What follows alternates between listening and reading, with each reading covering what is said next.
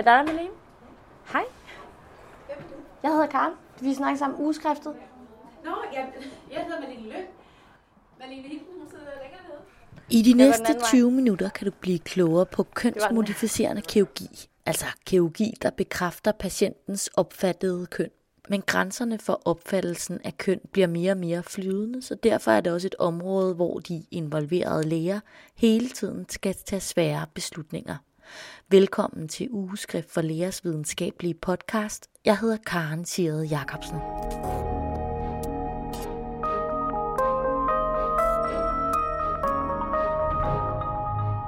Jeg er taget til Rigshospitalet i København, hvor et af landets tre centre for kønsidentitet ligger. Og det eneste, som laver større kønsmodificerende indgreb. Her møder jeg Malene Hilden. Så jeg hedder Malene Hilden, og øh, jeg er jo speciallæge i gynækologi og ansat på Rigshospitalet Gynækologisk Afdeling. Øh, og øh, siden 2012 har jeg været involveret i behandlingen af transpersoner. Øhm, og siden vi åbnede vores Center for Kønsidentitet, været leder af det, det var jo i februar 2019. Tidligere har man jo brugt betegnelsen kønsskifte som sådan en gængs øh, forståelse af, at, det, at når man kom herind på Rigshospitalet, så var det for at få et kønsskifte, og det relaterede man til kirurgi på kønsorganer. Øh, så man skiftede fra det ene køn til det andet kirurgisk. Selvom ventetiderne på landets centre for kønsidentitet er stigende, så er det altså kun et fåtal transpersoner, der kommer i behandling, der får lavet egentlig kirurgi. Langt de fleste er i hormonbehandling. Når man bliver henvist herind til os øh, som transperson, så er det for at få rådgivning, støtte og behandling, og den primære behandling er en medicinsk behandling, altså hormoner. Øh, kirurgisk behandling, øh, det man i gamle dage ville kalde kønsskifte, og som vi nu har valgt at kalde kønsmodificerende kirurgi, det er jo forbeholdt en lidt mindre gruppe. Det er langt fra alle, som skal have det tilbudt, og det er heller ikke alle, der ønsker det. Og det har været drøftet, hvad man skulle, hvordan, hvilken betegnelse man skulle anvende, fordi det bliver brugt også, der bliver også brugt kønsbekræftende eller kønskorrigerende. Øhm, men i den her sammenhæng bruger vi køns. Den kønsmodificerende, altså det man også populært kalder nederkirurgi, øh, det er en øh, gruppe af transpersoner, som har svær kønsubehag, eller dysfori, om man vil, øh, ved sine kønsorganer. Så det fylder så meget, så at et kirurgisk indgreb kan være indiceret. Øh, så, så det vil være en mindre gruppe, og det er jo både øh, mænd, som ønsker øh, omdannelse til kvindelige genitalier og den anden vej. Altså det, der er vigtigt, det er jo, at man får afdækket det her kønsubehag eller kønsdysfori. Hvor meget fylder det her? Hvad er det for nogle tanker, patienten øh, går med? Og det er jo det, som udredningen omhandler. Øh, at man ligesom får afdækket det og få øh, hvad skal man sige, et indtryk af, hvad er det for nogle ønsker, som personen selv har til, hvad det er, der skal ske, og hvad er det for nogle forventninger, som patienten har til det, så man ligesom kan få afstemt det. Øh, og så vil man øh, ofte, hvis patienten, øh, eller i langt de fleste tilfælde, vil man tilbyde hormonbehandling, hvis patienten er voksen og, og øh, forstår de informationer, der bliver givet osv., og der ikke er nogen væsentlige forhold, der taler imod. Det kunne være noget somatisk sygdom, der talte imod, eller en øh, ustabil øh, psykiatrisk lidelse, som også kunne tale imod. Men langt størstedelen vil få tilbudt en hormonbehandling. Men hvilke indikationer er der for at starte en behandling? Altså, der er jo nok et naturforløb, hvor man øh, som person på et eller andet tidspunkt begynder at have de her tanker, og det måske går op for en, at mås- måske er jeg transperson, måske har man læst noget på nettet, måske har man hørt om nogle andre. Og så er der, det er jo sådan en langsom erkendelsesproces. Og det vi nok oplever, det er, at langt de fleste, når det bliver henvist til os, så har de jo gået og tumlet med de her tanker i lang tid. Måske har de slet ikke delt det med nogen andre end den læge, der så henviser dem. Måske har de. Det, det kan være lidt forskelligt, men, men, men for de fleste så er de øh, ret langt i deres tanker omkring det her, når de kommer til os. Og derfor kan de selvfølgelig godt være utålmodige i forhold til at komme i gang med behandling. Øh, men vi har behov for at dokumentere det her kønsubehag, og, og det gør vi ved at afholde en række samtaler, hvor vi øh, øh, også beder øh, patienten om at reflektere over det imellem samtalerne, og så indtil vi når frem til en, hvad skal man sige, et, et fælles fodslag øh, forhåbentlig og kan tilbyde behandling. Så fra at man ligesom bliver henvist fra sin praktiserende læge, Ja, Øh, hvad, hvad er det så for et forløb, at man så skal igennem? Så, øh, så vil man typisk starte op med en, først en, en lidt omfattende indledende samtale, hvor vi afdækker sådan personens liv og sygdom og ønsker og tanker osv. Og, så videre. og så vil der efterfølgende være sådan typisk en øh, 3-4 øh, samtaler øh, med en behandler her hos os. Det er psykologer, øh, man taler med, øh, og det vil strække sig over et halvt års tid. Og derefter vil man så have en samtale med en øh, gynekolog omkring hormonbehandlingen, hvor man vil blive orienteret omkring, hvordan foregår det, hvad er det for nogle bivirkninger, der er osv. Og så er det så i øh, det, vi kalder det multidisciplinære team, altså hvor vi sidder både øh, psykologer, vi har også en psykiater tilknyttet, øh, gynekologer og også plastikkirurger, hvor vi samlet tager en beslutning omkring, hvilken øh, behandling, der kan tilbydes.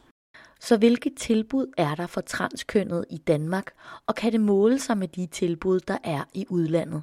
Det tilbud, der er, det er, at vi fra at have gået fra at have kun et center øh, eller en udredningsmulighed her på Rigshospitalet, dengang det lå i seksologisk klinik, øh, til nu at have tre centre for kønsidentitet. Et i Aalborg, et i Odense og et her i København. Øh, så det vil sige, at øh, det tilbud, der er, at man kan blive henvist til sådan et center og starte den her udredning op. Når vi taler kønsmodificerende kirurgi, altså når vi taler konstruktiv kirurgi, altså plastikkirurgi, øh, på kønsorganer, så foregår det kun her på Rigshospitalet. Så vi har et tæt samarbejde imellem de tre centre og holder også fælles øh, Øh, multidisciplinære øh, konferencer omkring dem, der ønsker nedre kirurgi. Vi er jo heldigvis i Danmark et privilegeret land, fordi vi har et gratis offentligt sundhedsvæsen, som også har et tilbud til den her patientgruppe. Øh, der tror jeg nok, når vi sammenligner os med en lang række lande, også i, Europa, der er det ikke på samme måde et gratis tilbud. Så det er svært lige sådan helt at sammenligne.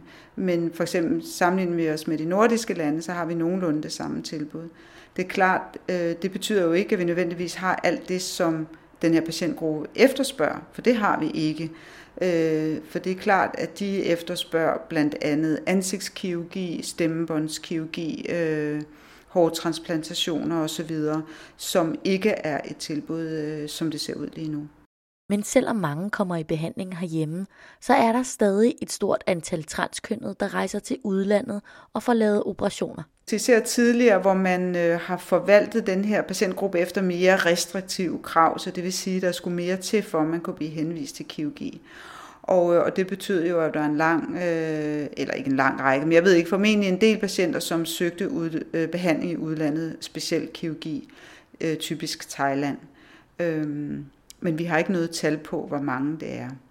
Og om den trafik til udlandet er blevet mindre, det vil jeg gætte på, men, men igen, det er ikke noget, jeg har nogle tal på. Men der er stadig patienter, der tager til Thailand og bliver opereret. Og er det så nogen, I så ser i jeres klinik efterfølgende, eller hvordan? Øh, det kan jo sagtens være nogen, som øh, bliver fuldt hos os gynekologer med deres hormonbehandling. Så det vil sige, at vi har kendskab til, at de tager til udlandet, og, og det, det er sådan set ikke noget, de, de ikke fortæller, men, men øh, så vi ser dem jo nogle gange, og, øh, og vi tilbyder selvfølgelig også, at hvis der er nogle problemer, øh, at, at kigge på det. Men hvis der er tale om, at der skal laves kirurgisk revision af det, og øh, forbedre det kosmetiske resultat for eksempel, så er der ikke noget tilbud fra plastikkirurgerne her. Der må man øh, tilbage til der, hvor man har fået det foretaget. Er det et stort problem? Det er jo et stort problem, for det er jo dyrt for dem øh, at skulle rejse til Thailand, øh, og de har betalt mange penge for den her operation, og, øh, og de fleste af jer har ikke mange penge til det her, så det er noget, de har sparet sammen til. Så det er selvfølgelig øh, rigtig svært, men, men det er jo det, man skal tage med, når man vælger at beslutte sig for en operation i udlandet. Altså man kan jo sige, at lige præcis i Thailand har de jo faktisk en lang tradition for at behandle transpersoner, særligt mænd til kvinder, og er rigtig dygtige kirurger, mange af dem, for de laver mange af de her operationer. Nogle gange kan man være bekymret under de forhold, de laver det, som ikke har helt de samme, der er ikke de samme krav, som vi stiller til for eksempel til sterilitet, hygiejne osv. Så, videre. så øh, men, men generelt er de dygtige kirurger. Jeg synes, øh, det jeg har set ser, ser flot ud. Der er en voksende gruppe af helt unge transkønnede, der henvender sig i centrene, og det betyder svære etiske overvejelser. Øhm, altså tidligere har man generelt set, og det gælder i øvrigt også i mange andre lande, der har man set flere mænd, der ønskede at blive kvinder. Øhm, men det vi oplever nu, og det vi hører fra vores kolleger i børne- og unge-teamet, det er, at øh, de ser to tredjedel af de unge øh, mennesker, de ser, det er piger, der vil være drenge. Så der, der er et eller andet, der tyder på, at der er et skift i kønsfordelingen, men vi har ikke nogen god forklaring på det. Øh, og i og med, at man har åbnet op for øh, udredning og behandling af unge, altså øh, både børn og unge, og også behandling fra med hormoner fra 16-årsalderen, så er det klart, så ser vi dem jo yngre, end vi har gjort tidligere. Og i det hele taget, i takt med, at hvad skal man sige, der generelt er en, en større åbenhed i samfundet, tolerance for transpersoner, øh, gør, at det jo nok er nemmere øh, at komme frem med de her tanker. Og det vil sige, at vi ser ikke, formentlig vil vi ikke se fremadrettet dem, der har gået og, og gemt på, på de her øh, tanker i måske 20-30 øh, år, før de kommer frem med det. Så generelt ser vi en, en yngre population nu end tidligere. Det er jo, det er jo klart øh, øh, en, en svær beslutning at skulle tage, også at tage sammen med et ung menneske og lave den her ændring, som vil have en konsekvens for resten af deres liv. Starter de hormoner, jamen, så taler vi altså livslang behandling. Og vi, har, vi, vi taler også om, i hvert fald når det gælder øh, transkvinderne, at øh, hvis de på et tidspunkt stopper med at tage øh, deres øh, behandling, så vil de for, ikke have nogen egen produktion af testosteron. Og det vil sige, at selv hvis de fortrød, kan man sige, efter, det er så godt nok først efter flere års behandling, men så vil de også have brug for behandling. Så, så, og hvad gælder det også den anden? Den anden vej rundt er det ikke helt det samme, fordi øh, for en kvinde har jo alle sine æg liggende i æggestokken, hvorimod en mand danner jo sæd løbende, øh, sædceller løbende. Ikke? Så for en kvinde, der, øh, der vil det være sådan, at hvis man kommer i testosteronbehandling, så vil æggestokkene gå i en slags dvale tilstand, kan man sige. Og vi har masser af eksempler på øh, trans øh, mænd, som øh, pauserer med deres testosteron, og så genvinder fuldstændig spontant normal cyklus, og jo i øvrigt for eksempel kan blive gravide og gennemføre en graviditet, og så starte op på testosteron bagefter. Men hvis de skulle fortryde, ville de kunne få deres cyklus igen. Men det er klart, at testosteronen har jo blivende virkninger i form af dyb stemme og øh, øh, hårvækst, øh, skægvækst osv. Ikke? Der er lavet en del undersøgelser af transpersoners psykosociale sundhed, der viser en høj selvmordsrate selv efter kirurgi og hormonbehandling.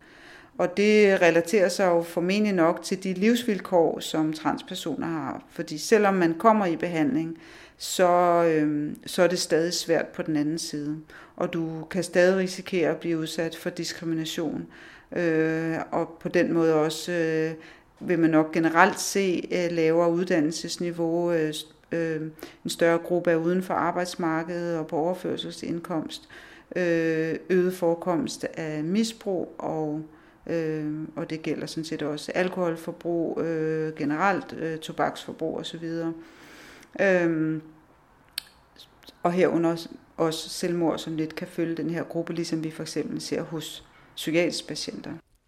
Og der mangler flere specialister på området, mener Malene Hilden. Øhm, som udgangspunkt bliver man fuldt her, i hvert fald i starten, og vi vil gerne kunne sende de her personer videre til vedligeholdelsesbehandling ved en praktiserende speciallæge, gynækologi eller ved egen læge.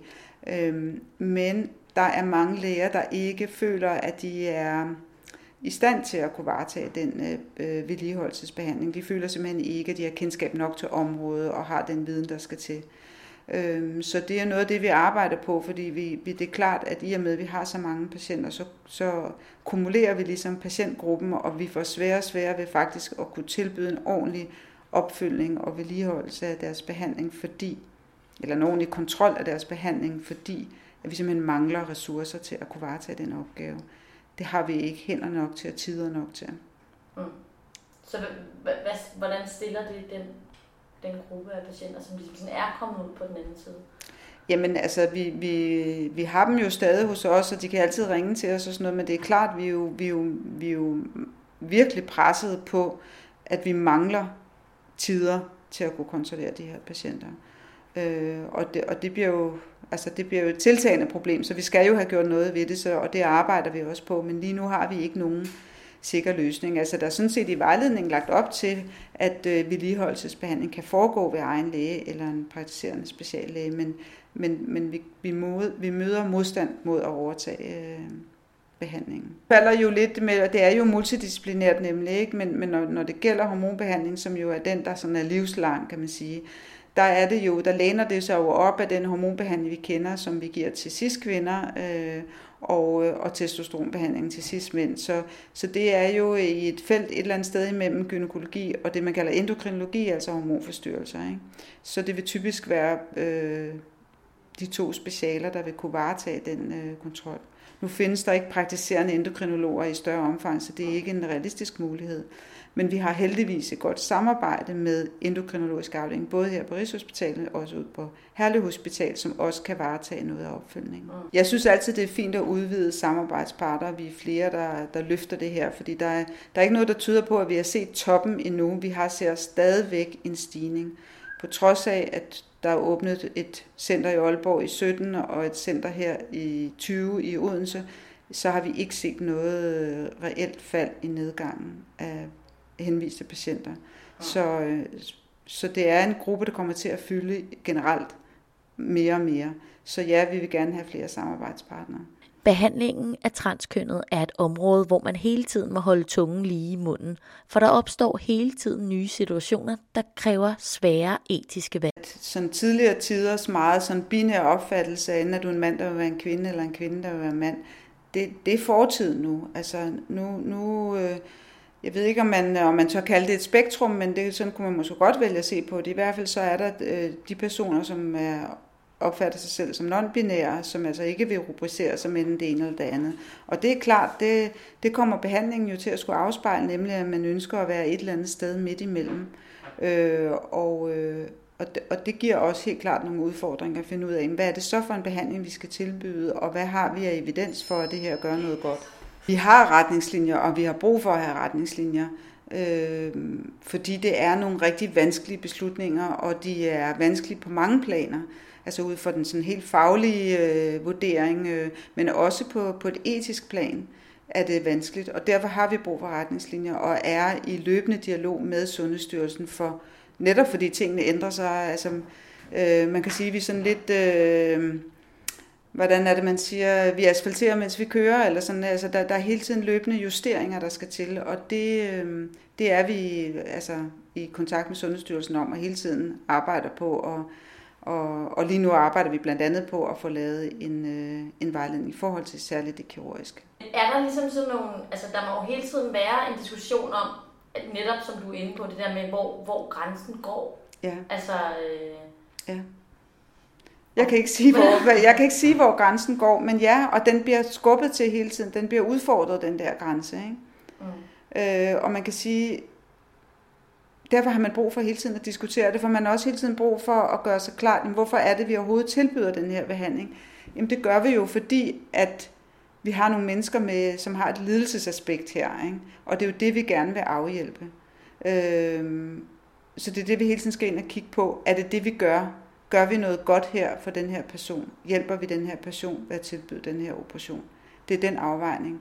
Det er super svært, fordi det er, nogle af patienterne er meget determineret på behandling, øh, og har ikke lyst til at blive udfordret på den beslutning. Den har de taget selv, og de har også en mening om, hvad det er for en behandling, de skal have, hvad det er for et kirurgisk indgreb, hvad for nogle doser medicin osv., og er egentlig ikke særlig interesseret i at høre vores mening om det. Så det er udfordrende indimellem. Det er jo ikke sådan, at vi råder dem til det ene eller det andet, eller bestemmer det for, for personen, hvis, hvis vi taler medicinsk behandling. Men vi håber jo på, at vi i løbet af de samtaler netop kan få udfordret personen lidt på det her, og fortælle om, hvordan kunne, man, hvordan kunne dit liv se ud, hvis du ikke skulle i behandling, eller hvis du ikke skulle have det her kirurgiske indgreb. Hvad kunne man så gøre for at få, altså, at føle sig godt tilpas med sig selv? Øh, altså den, det synes jeg, man skal udfordres på, øh, når man kommer her, og det, det bliver man også. I mange år hørte de transkønnede ind under behandlingen i seksologisk klinik, men i 2017 gik man bort fra det og behandler i dag ud fra en helt anden tilgang til patienterne. Altså først og fremmest skal man jo sige, så er de... Øh, hvad hedder det, forankret i somatikken. Det var jo et væsentligt signal at sende, øh, da man tilbage i 17 øh, besluttede at fjerne det fra den listen over psykiatrisk sygdomme. Man havde selvfølgelig længe sagt, at, eller været enighed om, at det ikke var en, som sådan en psykiatrisk sygdom, men den, den figurerede stadig sådan under seksuelle afvielser. Øh, og øh, så, så det var jo også et led i det, at man ligesom sagde, at vi skal have det ud af psykiatrien og forankre det i somatikken. Så, øh, så det er jo væsentligt, kan man sige, på den måde. Øh, men, men derudover, så var vi allerede, inden man etablerede tanken om centrene, så var vi i gang med at ændre på setup'et, og vi havde også stille og roligt indført vores konferencer, som vi øvrigt også havde haft igennem længere tid, hvor vi drøftede patienterne. Men særligt det, at, at det at tage beslutning omkring behandlingstilbud ligger i det multidisciplinære team, så alle er med til at tage den beslutning. Skal alle være enige? Det skal vi jo helst. Og der er, der er nogle enkelte tilfælde, hvor vi ikke har kunne øh, være enige, og så har vi måttet... Øh, så har vi, så har vi måttet trække en lille gruppe ud og diskutere det igen øh, ud af teamet, og så er vi nået til en enighed.